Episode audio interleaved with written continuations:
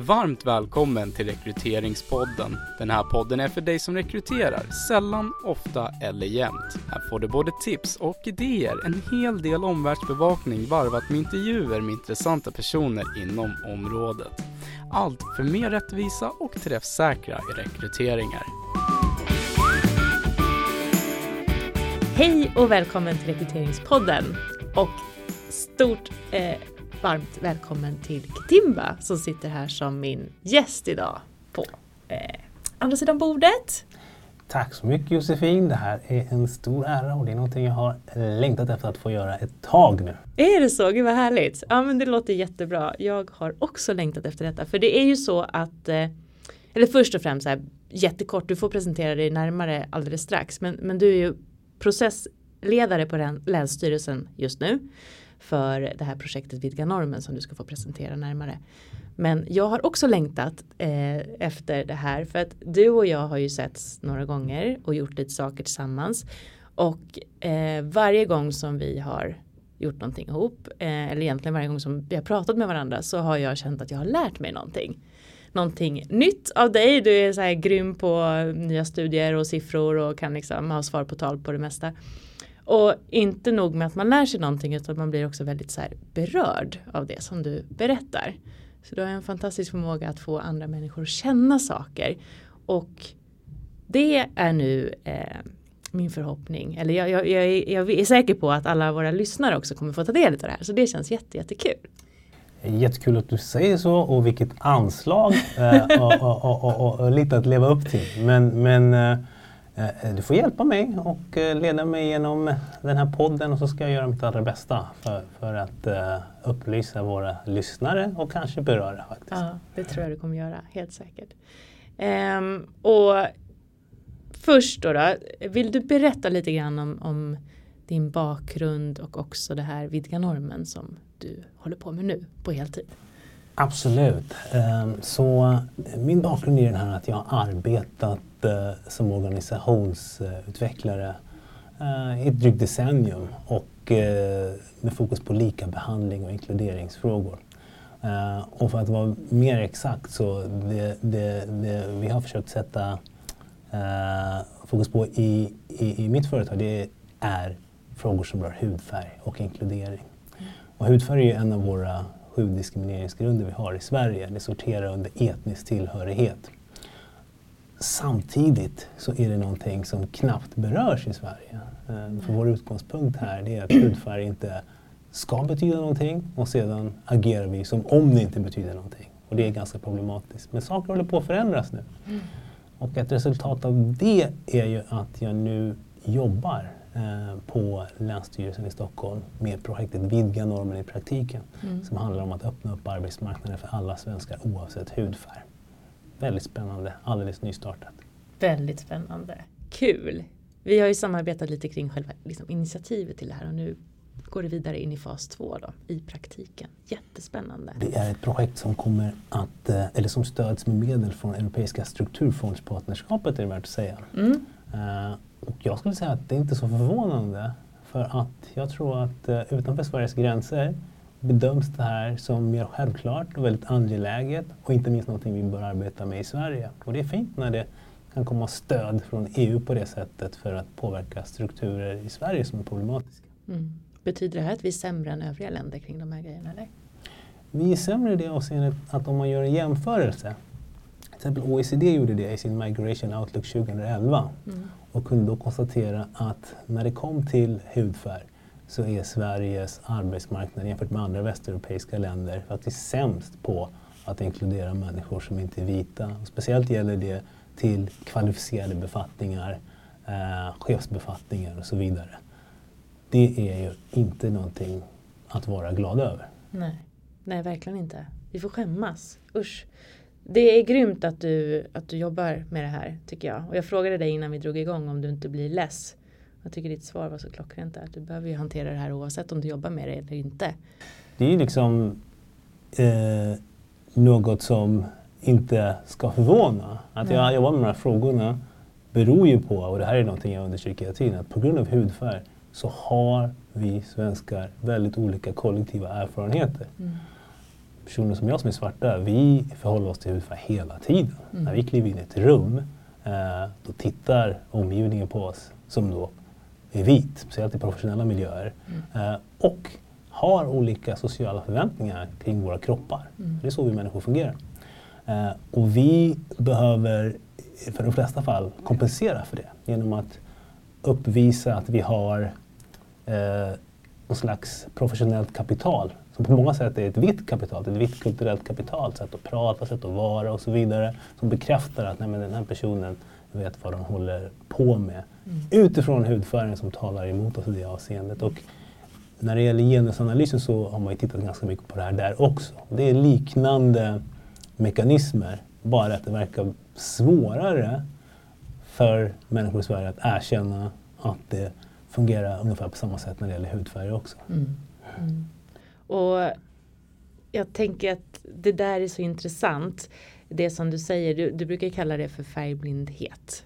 Eller hur? Mm. Att det här med att döma någon utifrån hudfärg är så oerhört liksom eh, svårt att kännas vid att man någonsin skulle kunna göra eller att man har liksom tankar, eh, fördomar kring de här sakerna. Att, att det här liksom direkt motverkar vår utveckling inom det här området. Mm. Jag vet du berättade för mig någon gång att du hade varit på och du berättade ju nu också precis att du har hållit en utbildning så det finns ju massor med exempel säkert men jag minns så väl när du berättade att du hade hållit en workshop tror jag det var med en ledningsgrupp där man i den här ledningsgruppen hade fått till uppgift att reflektera en stund kring vad har jag för personer i mitt privata nätverk som har en annan liksom, etnisk bakgrund än svensk, alltså som är minoritetssvenskar. Och så fick de en stund på sig tror jag och sen så skulle de liksom redovisa för hur många då eh, de hade i sina nätverk. Varpå en av de här kvinnorna eh, kommer tillbaka och bara Alltså jag, jag hade jättesvårt att ta mig an den här uppgiften för att eh, Nej men jag har aldrig någonsin ens reflekterat kring människor utifrån hudfärg. Så jag kan inte ens se om det skulle vara någon i min, i min närhet som, som, som inte liksom, ja, var vit. Typ. Så. Mm. Och det är så himla roligt för det är, så här, men det är verkligen att vara färgblind tänker jag. Att inte kunna se att någon har en annan hudfärg. Mm. Och det där är ju ett bevis på hur långt vi vill ta den här färgblindheten. Mm. Eh, till rena absurditeter som i det här fallet. Men det är också en form av obstruktion. Alltså det gör ju svårt att ta itu med övningarna, ta itu med frågorna när folk eh, ställer sig på tvären på det sättet. Mm. Eh, och, och, och, färgblindhet är ju inte ett begrepp som jag har myntat utan det är själva eh, ett, ett begrepp för att fånga det eh, psykologiska tillståndet eller det tillståndet i ett samhälle där man som det vi har i Sverige har idén att hudfärg borde inte spela någon roll för hur människor behandlas och hur det går för människor och så långt är vi alla överens. Mm. Men att gå därifrån till att bete sig och agera som att hudfärg inte spelar någon roll det är problematiskt eftersom hudfärg faktiskt spelar roll mm. och det spelar en väldigt djupgående roll i våra liv, för våra livsmöjligheter, för hur människor betraktar oss och vilka sociala förväntningar de har på oss. Och människor som inte är vita måste ständigt navigera den här verkligheten för att klara sig i en värld som präglas av vithetsnormen. Vita personer kan eh, vara solidariska i det med att de kan säga det är klart att hudfärg spelar roll. Hur tar vi itu med det? Men det minst solidariska man kan göra är att säga att nej, eh, för mig spelar hudfärg ingen roll. Mm. Jag ser inte det här. Mm. Eh, och det är egentligen som att säga att jag bryr mig inte om att adressera det här. Eh, men att påstå att man inte ser hudfärg, det är ju barnsligt. ja, och ja. den som vill gå runt och tro det kommer heller inte kunna jobba med sig själv eh, och de sätt som den förhåller sig och agerar kring mm. hudfärg. För vi gör det allihopa. Det är en del av vår kultur, mm. det är en del av vissa sociala mönster som reproduceras. Mm. Så det här med färgblindhet är egentligen sättet som modern rasism upprätthålls på mm. eftersom det förhindrar oss att adressera effekterna mm. av hur vi förhåller oss till hudfärg.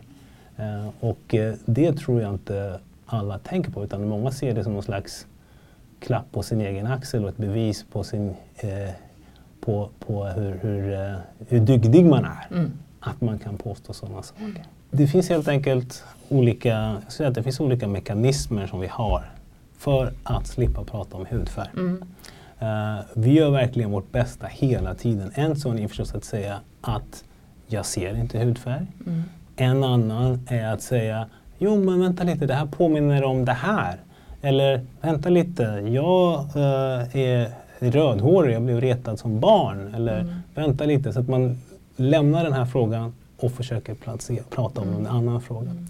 Och det är inte så vi brukar agera när vi pratar om diskriminering utifrån olika diskrimineringsgrunder. När vi pratar om diskriminering utifrån sexuell läggning så pratar vi om det och vi försöker prata klart om det. Mm. När vi pratar om diskriminering utifrån kön så pratar vi om det och försöker prata klart om det. Om ålder och så vidare. Mm. Men i det här avseendet, det här är en mekanism som jag ser återkommande. Och då måste man på ett pedagogiskt sätt ta det som ett, ett tillfälle att lära och mm. säga varför agerar vi så här när vi pratar om den här diskrimineringsgrunden. Mm. För det här är ju, som sagt, när jag jobbar med grupper så börjar man nästan alltid utgångspunkten av att hudfärg spelar ingen roll för mig i alla fall. Nej, precis. Uh, och jag uh, behöver visa att hudfärg spelar roll för mig, för dig och för så många andra. Och det är inte ett problem i sig. Problemet är när vi inte arbetar med att hantera sätten som hudfärg leder till diskriminerande utfall mot människor. Mm. Och när vi säger att hudfärg spelar ingen roll för mig, tack och hej, då, då gör vi inte det. Nej. Så det är liksom det, det, det centrala här. Mm.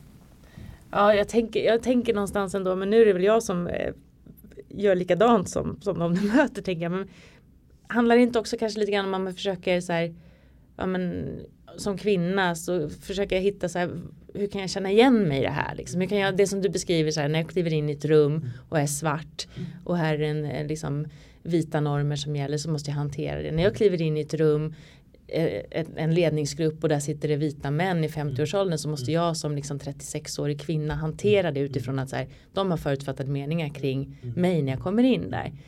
Så att jag tänker att det kanske finns en förklaring i att man ändå försöker så här, jag försöker förstå. Mm, mm. Men man får ju inte släppa det sen när man börjar förstå och, och, och liksom inte prata klart. Det är väl det du säger också, att man inte... Nej, då, jag tror att då, då pratar om olika saker. Det finns ja. ju det här att, att vara inkännande i att säga ja, men det är ju det fungerar ju som det här fungerar, mm. som vi alla erkänner är verkligt. Mm. Alltså borde vi fästa uppmärksamhet vid det här och ta till oss av det mm. som en verklighet. Än att säga varför pratar vi om det här? Mm. Låt oss prata om Låt oss prata kvinnor om det här liksom, istället. Ja, det, mm. då, då eh, menar jag att det är, det är liksom ett, ett medvetet försök att försöka lämna ämnet. Mm. Och det är inte så vi, vi hanterar diskriminering i vanliga fall. Men, men givetvis, alltså, det, det jag försöker prata om väldigt mycket är att ingenting är givet på förhand. Det, det faktum att det idag finns en viss norm, ett visst normkritiskt tänkande kring kön där man faktiskt kan säga att det spelar roll att det bara är män i rummet och när kvinnor kommer in är de normbrytande och därmed möter de olika typer av utmaningar just på grund av det. Det är inte självklart att det ska vara så. Det har varit ett resultat av en kamp som har förts mm. eh, av, av jämställdhetsrörelsen och väldigt aktiva feminister som har problematiserat det här, presenterat teorier kring varför det här är på ett visst sätt och, och, och använt det för att förklara vissa utfall. När det kommer till hudfärg så har man ju knappt tillåtit sig att studera fenomenet på det sättet. Nej. Hudfärg är inte ens en acceptabel utgångspunkt för att analysera samhället. Fortfarande i Sverige så uppehåller vi oss vid sådana här eh, saker som, har, som heter, uh, heter det, utrikesfödda mm. och så vidare. Mm. När vi ska försöka eh, närma oss den här frågan. För det är typ legitimt att och, och, och, och prata om. Att konstruera människor som utrikesfödda eller som invandrare mm. som inte ens har invandrat. Det är oproblematiskt. ja. Men att, att, att, att, att i, en i en situation där det, där det är relevant för vad man vill diskutera eh, att beteckna vissa människor som vita, svarta och så vidare. Det anses eh, problematiskt olämpligt. Mm. Eh, och vem tjänar på att den här kulturella normen råder där man inte kan prata om hudfärg? Ja, men det gör vi ja. Mm. Ja, precis. Det är ju de som premieras eh, i, i, i, en eh, hudfärgshierarki som präglas mm. av en vithetsnorm.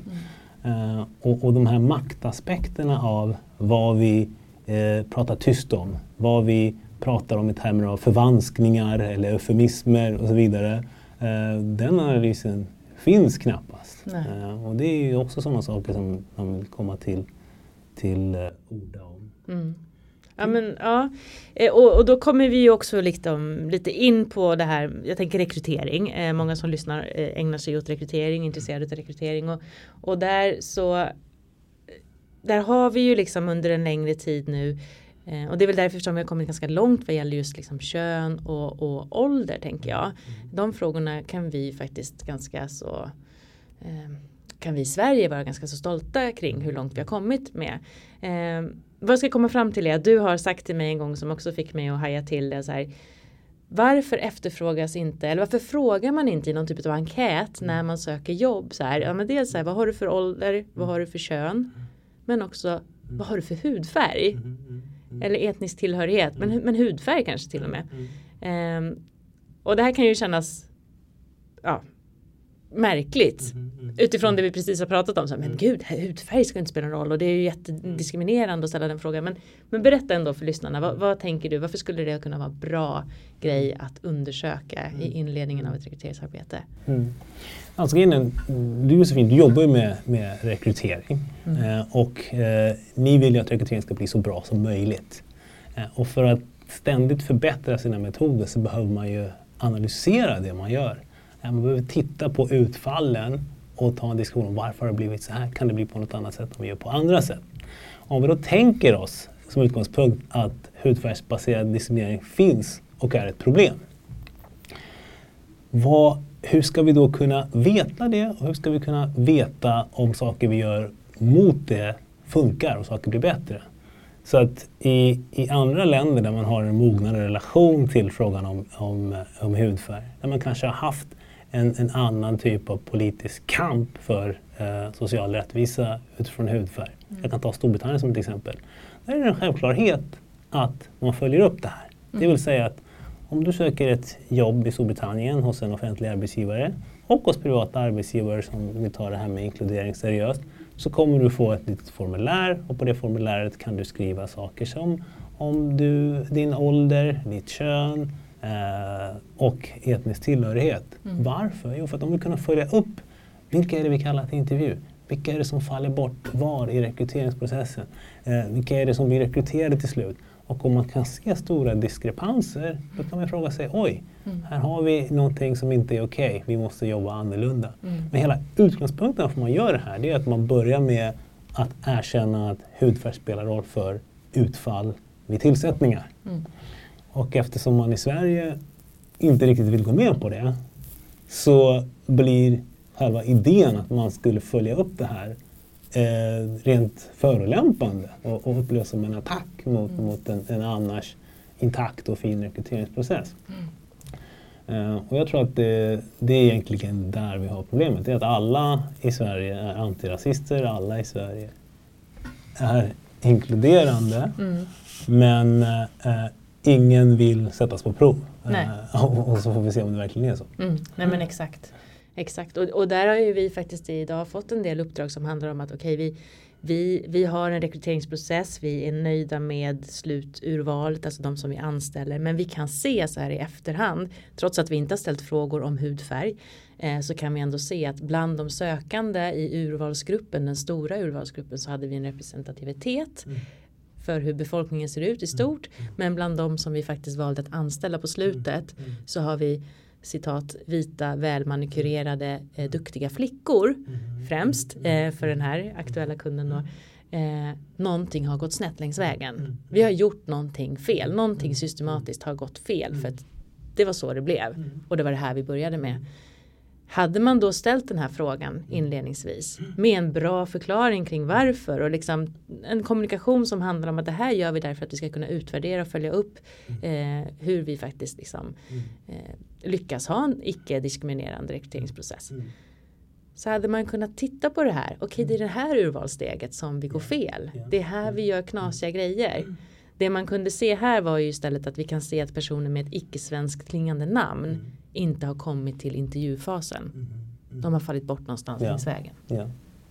Och det är intressant vet, i Sverige att tack vare våra personnummer mm. där, där vi är kodade både för ålder eh, och för eh, juridiskt kön så kan vi göra väldigt avancerade uppföljningar eh, utifrån jämställdhet eh, på de här sakerna. Mm. Och ingen tycker att det är kränkande att vi sorteras in efter eh, juridiskt kön. Eh, trots att det finns människor som inte känner igen sig i den där binära uppdelningen. Eh, trots att vi inte blir tillfrågade om detta. Trots att det finns andra som säger att vadå kön? Vi, vi befinner oss på ett kontinuum där man kan uppfattas som mer manlig och mer kvinnlig. Men det här binära, det är bara... Trots att det här ifrågasättandet kan finnas så säger vi att nej men det är ju inte kränkande eller fel eller dåligt eller någonting. Men när det kommer till hudfärg, som jag menar är en lika relevant diskrimineringsgrund, mm. Mm. då heter det plötsligt att det här är för känsligt eller för kränkande mm. och för känsligt för vem? Och vem är det som säger att det är känsligt? De som säger att det är känsligt är faktiskt vita svenskar i ja. huvudsak. För du sa ju till mig då vid det tillfället mm. liksom, att jag hade välkomnat att det fanns där. Liksom. Ja, självklart. Och ja. vi ser ju att... Så för dig är det inte känsligt? Liksom. Ja, men vi ska inte reducera det till min person. Nej. Det vore fel. Men vad vi kan däremot säga är att det är bara att titta i de delar av världen där människor som inte är vita haft någonting att säga till om. Mm. Kanske som ett resultat av en politisk kamp, till exempel medborgarrättsrörelsen. Mm. Eh, eller länder med ett kolonialt förflutet som är mer uppenbart än det svenska, som måste erkänna för sig själva att okej, okay, det hände någonting problematiskt historiskt och det har återverkningar i vår samtid. Vi kan inte liksom låtsas om det. Vad gör vi åt det? Där gör man på andra sätt. Och sen kommer vi till Sverige och när vi pratar om det här Uh, och det är saker som man, vi, vi är väl det mest amerikaniserade landet i världen i alla avseenden. Mm. Och sen när vi kommer till den här frågan och vi pratar om liksom, vikten av hudfärg, att, att, att, uh, ha, att förhålla sig till det och så vidare. Då blir vi anklagade för att vara närmast nazistiska mm. eller uh, de svarta rasisterna som tänker på hudfärg och så vidare. Jag blir helt chockerad mm. av att vi kan sitta och titta på amerikanska filmer hela dagen där de pratar om What race are you? Are you black or white? Och vidare. Och sen när vi pratar om samma sak i Sverige, i svenska kontexten, vilken hudfärg eller vilken ras tillhör mm. du? Då är det plötsligt eh, eh tabu och, mm. och, och, och, rent ondskefullt. Eh, men, men som sagt, det bevarar ju vissa existerande maktrelationer. Mm. Eh, och därför tycker jag återigen att det är viktigt att, att göra jämförelser mellan hur vi tittat på genus och hur det i alla steg av eh, jämställdhetsagendan har funnits ett motstånd mot sånt som vi tar för givet idag kanske. Men det fanns alltid ett motstånd. Varför ska vi hålla på med det där för? Mm. Varför ska vi hålla på med genusteori? Varför ska vi hålla på med jämställdhetsintegrering? Varför ska vi hålla på med varannan damernas? Och så vidare och så vidare. Mm. Alltid funnits. Mm.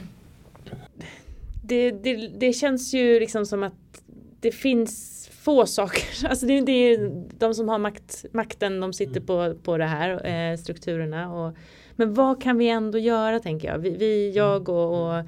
Anke och Stefan och alla med oss, liksom, vi, vi jobbar ju på för att få till de här processerna åtminstone så icke-diskriminerande som det går. Inleda med objektiva metoder, försöka liksom skjuta den här fördomsfulla subjektiva mm. inblandningen av oss mm. som individer i, mm. så långt fram i processen som möjligt ja. och så vidare. Liksom. Ja. Men vad tänker du? Vad kan vi mm. mer göra? Liksom? Okay. Jag, okay. jag, jag, jag, jag, tänker så här. Att, eh, först tycker jag att man ska skilja på rekrytering och tillsättningar. Mm. Det vill säga hur, hur, hur tjänster verkligen tillsätts och själva hantverket rekrytering. Mm. Jag skulle säga att jag tycker att när det kommer till hantverket rekrytering, det du jobbar med, eh, så, så har det hänt väldigt mycket och väldigt mycket har blivit professionaliserat och man försöker följa standardiserade rutiner och man försöker ha koll på att man inte lämnar saker till magkänsla och så vidare. och Så vidare. Så den som vill välja att följa en sån idealisk procedur som till exempel ni kan erbjuda, mm. de kommer ju att rekrytera, skulle jag säga, att det är man kan säga att man har kompetensbaserad rekrytering där.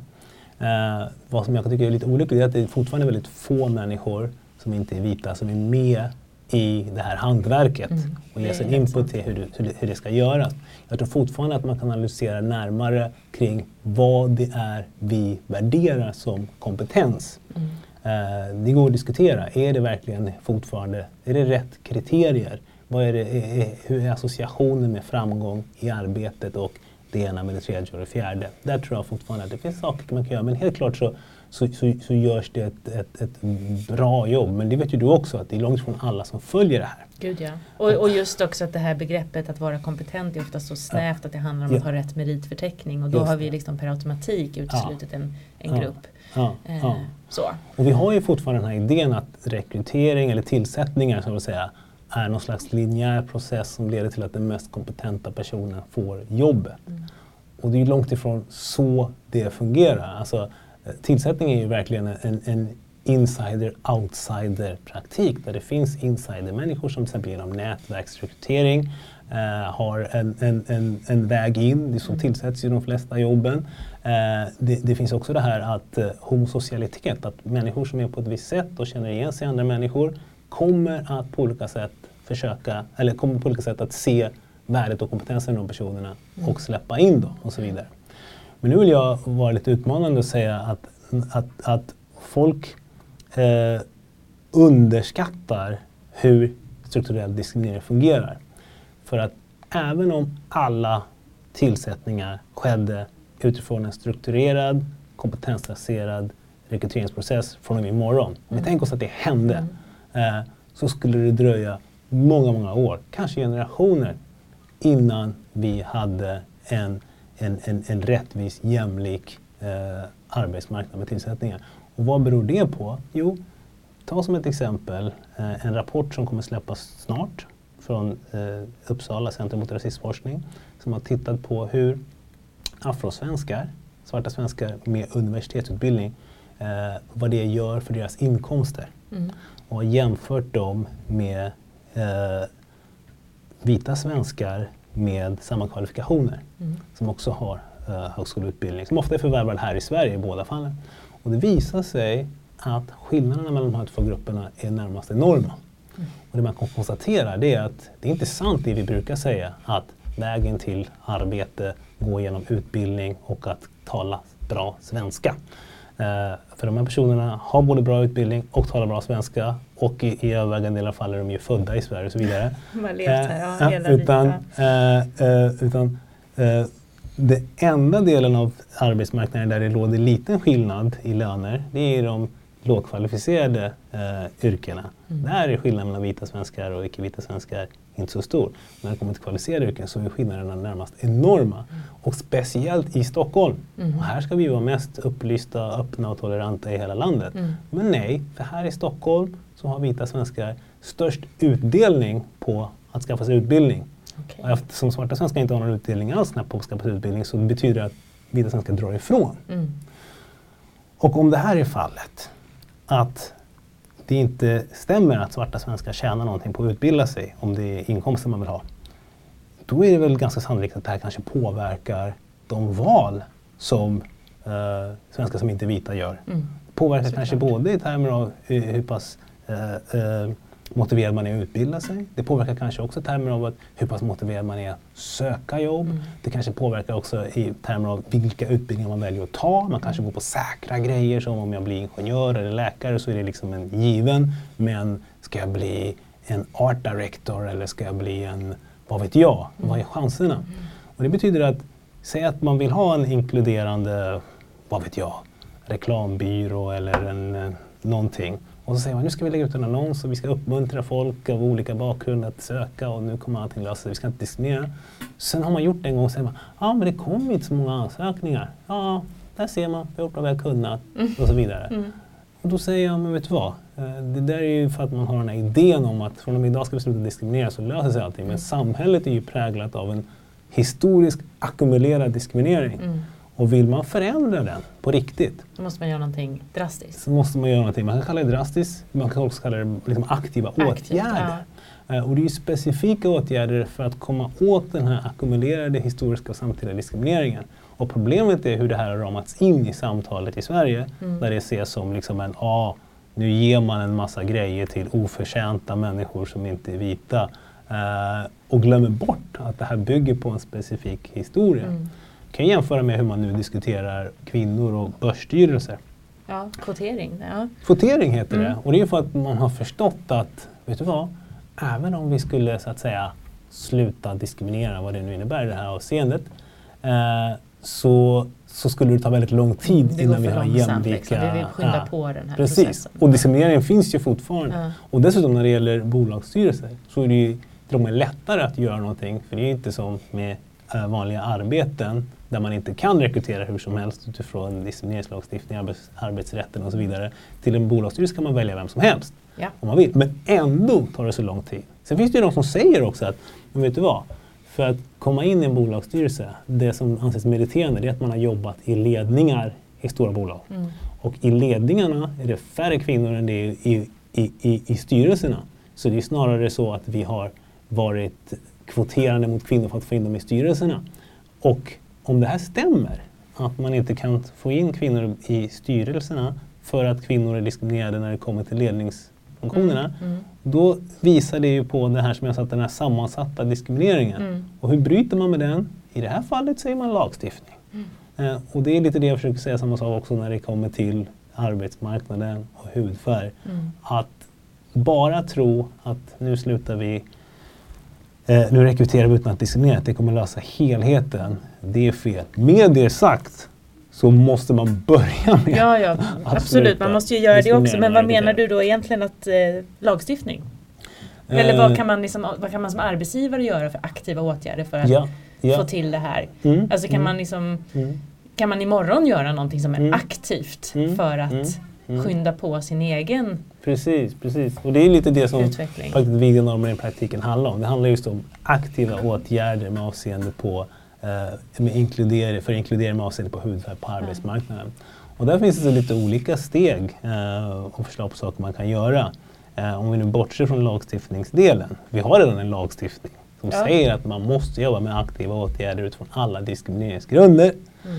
eh, när man har mer än 25 pers anställda. Och det är ganska många bolag. Ja. Och det är ganska många bolag. Mm. Och aktiva åtgärder börjar alltid i att man gör en kartläggning av tillståndet, Mm. nuläget. Hur ser det ut? Mm. Om det är med avseende på kön så vill vi till exempel veta hur många män och kvinnor jobbar här och hur klarar de sig i organisationen? Hur upplever de sin tillvaro där? Tillhörighet, trygghet, möjligheter till karriär och utveckling och så vidare. Det här är sånt man följer upp. Mm. Eh, lönekartläggning och så vidare. Och samma sak måste man göra för de andra diskrimineringsgrunderna, inklusive hudfärg. Kartlägga och sen följa upp. Just Ja. det. Så det, det är början. Och det är någonting som vi pratar om innan. Hur gör man det? Mm. För att göra det måste man ju kategorisera människor på Mm. hudfärg. Då måste man våga prata om Då hudfärg. måste man våga prata om hudfärg. Ja. Och vi tror att man kan göra det Så bäst som man kan prata genom om kvinnor och män Just och det. Bäst görs det genom självidentifiering och kanske. Mm. frivillighet. Man behöver inte hålla på som man håller på med när det gäller jämställdhet och kön. Tvinga människor in i, i fack utifrån personnummer och ju- juridiskt kön. Utan Mm. man kan göra det här mer på frivillig basis. Det är det första steget. Så Mm. att man vet vad som händer.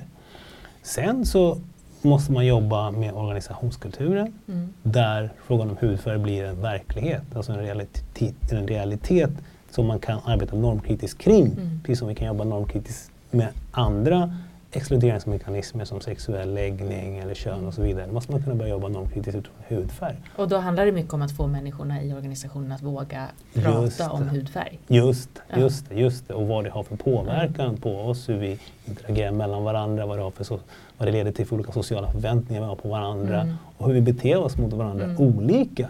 Eh, och det här är någonting som de flesta personer som inte är vita, skulle jag säga, kan vittna om i organisationen. Att de upplever att chanser går förlorade för dem Mm. på grund av deras hudfärg. Mm. Eh, och det kan vara som ett exempel, säg att eh, alla på, i organisationen är jättecoola och fina, eller hur? Men de undrar om kommer våra kunder vara helt okej med en, en, en svart säljare eller en eh, säljare med bakgrund i Mellanöstern som ska gå ut till våra kunder. Eh, kvinna med hijab eller någonting. Kommer det gå hem? Vi kan ta det men frågan är om Ja, våra kunder kan Precis. ta det. Ja. Alltså vi kan ta det lite lugnt. Alltså, det Mm. finns ju forskning som visar på att om människor som inte är vita står i kassan på sig Åhléns så säljer man mindre där.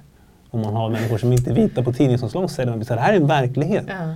Hur förhåller vi oss till det? Det är någonting vi behöver prata om. Det ska ju inte påverka människors karriärmöjligheter men vi tror det gör det. Mm. Hur förhåller vi oss till att vi utifrån hudfärg har olika kollektiva erfarenheter som gör att vi tolkar och förstår grejer olika? Till exempel kan en person som inte är vit komma till sin arbetsplats och ha fått frågan för 85 gånger det året. Ah, vad intressant. Och vilket land kommer du ifrån? Mm. Och för den vita personen som ställer frågan, för den konstaterar att personen inte är vit Mm. och utifrån det börjar dra associationer Det är i alla till fall bra migration. att den ser att den inte är vit. Ja, precis. Även om den inte vill erkänna det. Men för den personen tycker den att den här frågan är oskyldig och ett Mm. tecken på uh, Visa nyfikenhet. nyfikenhet. Ja. Men för en person som har fått den frågan 85 gånger så kan det tolkas som någonting Mm. annat. Det kan också tolkas som att man reduceras i sin professionella roll till vadå, är jag bara en invandrare här, Mm. liksom, jag är här. Förstår du vad jag menar? Det finns så många bottnar i det här. kvoteringen. Ja, men precis. Mm. Eh, och det här måste man kunna diskutera. Att på grund av våra kollektiva erfarenheter så förstår vi saker olika. Eh, Och det vill ingen göra utifrån hudfärg. Eh, även om kanske vi börjar ta det i den frågan när det gäller till exempel kön. Mm. Att utifrån kön och, och, och, och så vidare kanske man uppskatt, uppfattar skämt olika. Mm. Man kanske inte uppskattar sexskämt på jobbet eh, med en, en, en, grupp män som kvinna. Kanske inte. Eh, och det kan vi börja ta itu med. Liksom. Mm. Och på samma sätt kanske inte en, en person som inte vi pallar att svara på var den kommer ifrån. Nej. Eh, det kanske inte ens kommer från någonstans. så att, eh, Kungsholmen! Det, ja, det är ju de här eh, ja. frågorna vi behöver ta itu med. Men okej, okay, men så, så, kartlägga mm. och eh, följa upp mm. och eh, lära verksamheten att, pra, att, att, se hudfärg och prata om hudfärg visst, och förstå visst, hur visst, det påverkar ja. liksom, ja. hur vi, hur vi som samverkar med varandra. Titta på Uh, hur kommunikationen ser ut i organisationen, hur mm. kommunicerar vi utåt, vilka talar vi till, vad signalerar vi att vi är för slags organisation och så vidare. Mm. Och sen finns det så många, uh, när det kommer till den frågan, så många uh, saker som vi socialiserade in i. Men jag kan ju gå in på vilken arbetsplats som helst här i centrala Stockholm där man sysslar med någon form av myndighetsutövning eller någon form av tjänstemannajobb. När jag går in där så ser jag att personer som inte är vita ofta sysslar med, har, har, har uppgifter i de organisationerna som, är, eh, som hör till enklare servicefunktioner. Mm. Eh, de sköter om lokalerna, de sköter om städningen, ofta på entreprenad och så vidare. Mm. Eh, och jag kan bara genom att titta på någons hudfärg dra slutsatser om vilken ställning och status den här personen har i organisationen. Mm. Och det här är någonting som de flesta vita människor är så pass insocialiserade i att de inte ens lyfter på ögonbrynen åt det. Mm. Och de flesta människor som inte är vita heller. Vi är alla insocialiserade i samma mm. sak. Mm. Är med. Ja, visst, mm. Eh, jag, jag, måste ju jobba med det här. Mm. Och, och, och, och, det betyder också att man inte ställer sig frågor som att varför har vi inga chefer eh, som inte är vita? Varför har vi inga chefer med, med, med eh, asiatisk bakgrund, mellanösternbakgrund, mm. latinobakgrund, Latinamerika eller, eller, eller Afrika och så vidare. Varför har vi inte det? Uh, det, det, det, den frågan finns inte. Om man tittar på den politiska dagordningen så säger man vi måste skaffa fram fler enkla jobb. Mm. Uh, det där kommer från någonstans. Mm. Det kommer från en föreställning om att människor som inte är vita behöver ett enkelt jobb. Behöver ett enkelt jobb. Ja, det är så vi ska hjälpa dem. Det är så vi ska hjälpa dem. Det är så. De och, det, och det här är ingen ny tanke. Det här är sånt som Carl von Linné tänkte ut 1735 när han delade in människor i biologiska raser och gav dem vissa egenskaper. Mm. Vissa skulle styra och leda och andra skulle mm så att säga eh, slita. Eh, jag menar att i den svenska kulturen så är eh, icke-vithet associerat med underordning. Ja. Och det är ingenting man säger till varandra och kultur är ingenting vi förklarar varandra med, för varandra med ord. Men för våra barn är vi mm. tvungna att göra det för de ska socialiseras in mm. i vår kultur. Om du läser barnböcker som där människor som inte är vita får vara med. Mm. Ofta är ett sätt att exkludera sig att inte få vara med. Men när de är med så är de nästan alltid i olika typer av underordnade positioner eller skurkpositioner. Uh, och där är ju förstås Astrid Lindgren-berättelsen om Pippi Långstrumps pappa som blir kung över människor som inte är vita på en ö. Han har inga speciella kvalifikationer, han bara blir kung för han är vit. Mm. Han är, är dessutom en helt oansvarslös eh, pappa som ja, ja. är super och rövar. Ja men precis. Ja. Och han duger till att vara kung över, över, mm. över svarta människor. Mm. Eller Jan Löv-böckerna där alla som inte är vita är, är pirater och skurkar och onda. Mm. Och besegras av, av de vita mm. goda. Och det här är så pass självklart för oss att berätta för våra barn. Och sen säger vi till våra barn, men vet ni vad, hudfärg spelar ingen roll. Mm. Och tror att de inte absorberar mm. hur kulturen verkligen ser ut mm. och blir vuxna människor som reproducerar de här idéerna. Mm. Bra! Tack! Jo, jag tror minsann att du lyckades den här gången också beröra. Jag är ganska säker på det. Jag hoppas det och uh. om det är någon där ute som tycker att det här med veganormen verkar intressant, arbetsgivare som håller till i Stockholmsregionen, mm. så är det helt okej för att kontakta oss för att se om man själv skulle kunna vara ett företag eller en organisation som skulle kunna vara med mm. i det här projektet och få kompetenshöjning mm. inom ramen för det här strukturfondspartnerskapsprojektet. Välkomna att kontakta Länsstyrelsen. Mm. Jättebra. Jag tänker det blir ju också bra för alla er som jobbar kompetensbaserat med rekrytering och vill få till det här. Det krävs också aktiva åtgärder. Liksom. Det kommer dröja alldeles för länge. Vi kommer alla ligga i graven mm. eh, innan vi har kommit så långt med att jobba strukturerat kompetensbaserat med rekrytering att det här är löst. Det, är liksom, det här kommer, det räcker inte. Så att, eh, ja, de går hand i hand. Eh, jättebra. Det gör de. Mm. Stort tack för att du kom hit. Tack för att jag fick vara med på Rekryteringspodden. Varsågod. Hej då allihopa. Nu stänger vi av.